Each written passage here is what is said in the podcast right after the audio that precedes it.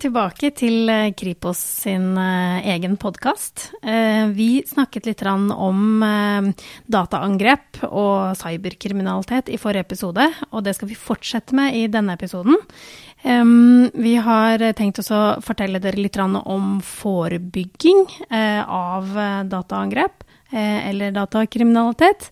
Så jeg tenker at Eh, igjen, velkommen til studio, eh, Elsegunn og Espen. Takk. Takk, takk. Som er Kripos sine næringslivskontakter. De eh, jobber til daglig med, med cyberkriminalitet. Som næringslivskontakt så har man jo et tett forhold til andre mm, samarbeidspartnere. Og hvorfor er det viktig at vi har næringslivskontakter i, i norsk politi da, og på Kripos? Det er vel ikke noe tvil om at uh, det finnes veldig mye både flinke mennesker, ikke minst ressurser, der ute i kanskje privat sektor, men også andre offentlige instanser vi kan tenkes å samarbeide med, som vi uh, har behov uh, for å samarbeide tettere med for å løse vårt mandat. Vårt mandat jo, kommer jo på en måte alle til gode. Det er jo noe jeg tror vi alle er enige om, at vi ønsker et trygt og sikkert digitalt samfunn. Også ikke bare digitalt, men et trygt samfunn. Det er noe vi alle eh, kan skrive under på. og jeg må si at jeg er veldig positivt overraska eh, når vi er ute og representerer Kripos og politiet, over den viljen til å bidra og ta sitt samfunnsansvar, da, som veldig mange betegner det som. Mm. Ja, og det vi, det vi ser, er jo at Eh, kanskje spesielt på cyber, så må faktisk eh, aktører, både offentlige og private, jobbe sammen. Eh, fordi at det er så komplekse La oss ta f.eks. én type datakriminalitet da, som løsepengevirus. Eh, det er såpass komplekst når det rammer, og det kan ramme flere på en gang. Samme virus. Og da, eh, da må vi rett og slett jobbe sammen for å, å eh, bekjempe det, det ene løsepengeviruset. Så derfor så er det kanskje på alle typer kriminalitet så er det viktig å samarbeide med andre aktører, men spesielt på cyber. Jeg skjønner. Men um, når det gjelder um, løsepengevirus som kriminalitetsform, så tenker jeg at vi kan snakke litt om hvordan man kan forebygge datakriminalitet og også og løsepengevirus. Espen, kan ikke du fortelle litt om, om hva er egentlig kriminalitetsforebygging? Hvorfor er det så viktig for oss? Nei, Det er jo det aller viktigste vi gjør, og det er av helt naturlige årsaker at hvis vi klarer å forebygge kriminalitet, så slipper vi jo å etterforske den. Og det vil jo være enormt ressursbesparende for oss å forebygge noe før det skjer. Så det er jo hele hovedstrategien, eller primærstrategien som vi kaller det i politiet. Og det, som, det går som en rød tråd i alt politiet gjør. At det er vi alle enige om fra, fra toppnivå til eh, de patruljerende politimenn og -kvinner i gata om at det er primærstrategien. Så det danner på en måte grunnlaget for alt politiarbeid.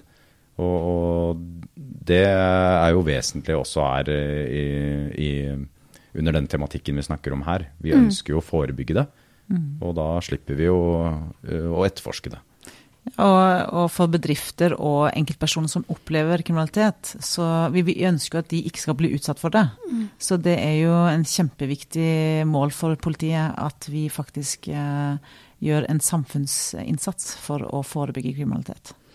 Er det annerledes å forebygge datakriminalitet og det som skjer i det digitale rom, enn å, å forebygge andre former for kriminalitet? Ja, det vil jeg På ett vis eh, så er det veldig likt. Altså kriminalitet er jo kriminalitet. Du har en mistenkt, og du har en fornærma. Eh, eh, men eh, det som er kanskje forskjellig fra eh, cyberkriminalitet i forhold til andre typer kriminalitet, er at det er eh, grenseløst på mange vis. Okay. Det kan gå på tvers av landegrenser. Uh, og det går på tvers av ulike typer sektorer.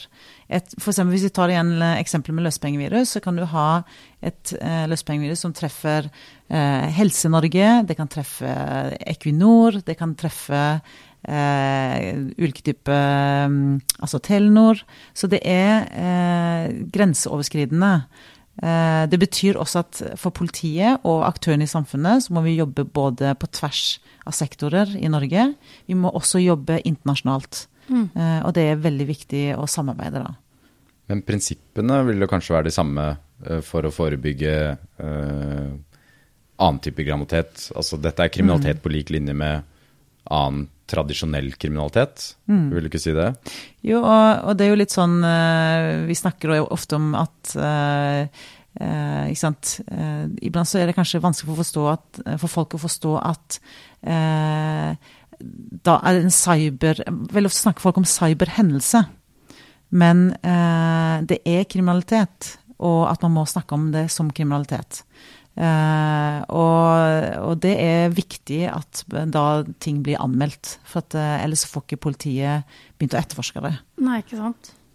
Men hvis vi skal um, hvis vi skal tenke på dette med å forebygge La oss ta løspengevirus, da. Syns at det er et veldig godt uh, eksempel på, på datakriminalitet. Um, har dere noen, uh, noen, råd eller noen veiledning som uh, dere kanskje kan hjelpe, hjelpe, til med? Ja, jeg tenkte jo kanskje at det også er fornuftig å, fortelle lytterne våre litt hva et løspengevirus er. Ja. Du vet jo godt hva det er, uh, Mari. Men jeg tenker at kanskje mange av lytterne våre ikke vet hva det er. Ja, jeg tenker at det er en god idé. Espen har lyst til å fortelle litt om, om, løspengevirus som kriminalitetsform. Hva er det, og, og, hvordan fungerer det, og hvilke konsekvenser? Det snakket vi litt om i stad, men, men, litt sånn generelt om løspengevirus. Ja, for det er en ting eh, vi brenner litt for. Det er jo rett og slett å være eh, en bro fra den teknologiske delen over til de som kanskje ikke omtaler seg selv som uh, veldig, uh, med veldig høy teknisk innsikt. Og for min del så må jeg forstå en del ting for å kunne forklare det uh, sånn at mottakeren forstår det. Og jeg er kanskje av den delen som vil omtale meg selv som ganske analog. Så det har vært en stor grad av læring for meg. Og, og løspengevirus er jo rett og slett en skadevare da, som blir, som blir uh, satt inn i en datamaskin eller et uh, datasystem, uh, en server, digital infrastruktur, hvor den låser eller krypterer dataene. Så det vil si at det er en slags sånn et moderne ran. Eller vi, vi kaller det jo et løsepengevirus. Og løsepenger det knytter vi ofte til fra en amerikansk actionfilm, en sånn gisselsituasjon. Og det er jo egentlig det det er. Bare at her er gisselet eh, dataen som eh, du eller eh, et selskap har, og som har stor verdi for deg. Så noen har tatt verdi fra deg og holder på den verdien, og så krever man penger for å gi dette tilbake. da. Så det er jo det som gjør at det blir omtalt som et løsepengevirus. Ja, og um vi, vi, eh, jobber jo, siden vi er politi og vi ønsker å forebygge, så har Espen og jeg snakka veldig mye om hvordan skal vi forebygge ting, og hva slags tiltak skal folk gjøre. Mm. For jeg, eh, jeg, som alle andre, eh, lurer veldig ofte på ja, jeg skjønner at vi står overfor et problem, men skal, hva skal jeg gjøre? Jeg vil gjerne gjøre ting. Og da eh, Det gjelder jo eh, Vi snakker veldig ofte, siden vi er næringslivskontakter, snakker vi ofte med bedrifter og selskaper. Men dette gjelder også enkeltpersoner. Eh, så jeg tenker at jeg kan snakke litt på vegne av alle, egentlig. Og da er det spesielt viktig med sikkerhetskultur. Og det er jo på en måte en litt sånn brei Det er et bredt begrep, men det handler jo om at vi har lyst til å sikre kronjuvelene våre. Eh, det er jo kronjuvelene i bedriftene, det er i samfunnet. Eh, F.eks. nå så står vi i en ganske krevende sikkerhetspolitisk situasjon med at står i, Russland står i krig i Ukraina, og det påvirker alle land i Europa.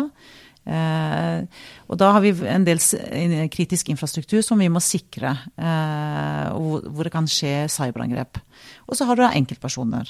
vi har også noen kronjuveler av f.eks. informasjon som jeg ikke i fall ønsker skal komme ut til andre. Eh, og meg sjøl. Eh, så det er mange eh, ting vi, har lyst til å ta vare på. Og det vi ser, altså Sikkerhetskultur kan jo deles opp i mange ulike nivåer. Men når man ser på f.eks. sånne phishing-kampanjer som, som Espen snakka om sist, så handler det om veldig ofte sosial manipulasjon. Og det betyr at de spiller på eh, menneskers eh, sårbarheter, rett og slett. Mm. Eh, og da eh, Og de spiller på ulike strenger hos oss. Og da spiller de på f.eks. nysgjerrigheten vår. Eh, de spiller på grådigheten vår. Og veldig ofte så kommer det med korte tidsfrister, så du blir stressa. Og når du får denne mailen, f.eks., så, så føler du at ja, det er noe du må levere på.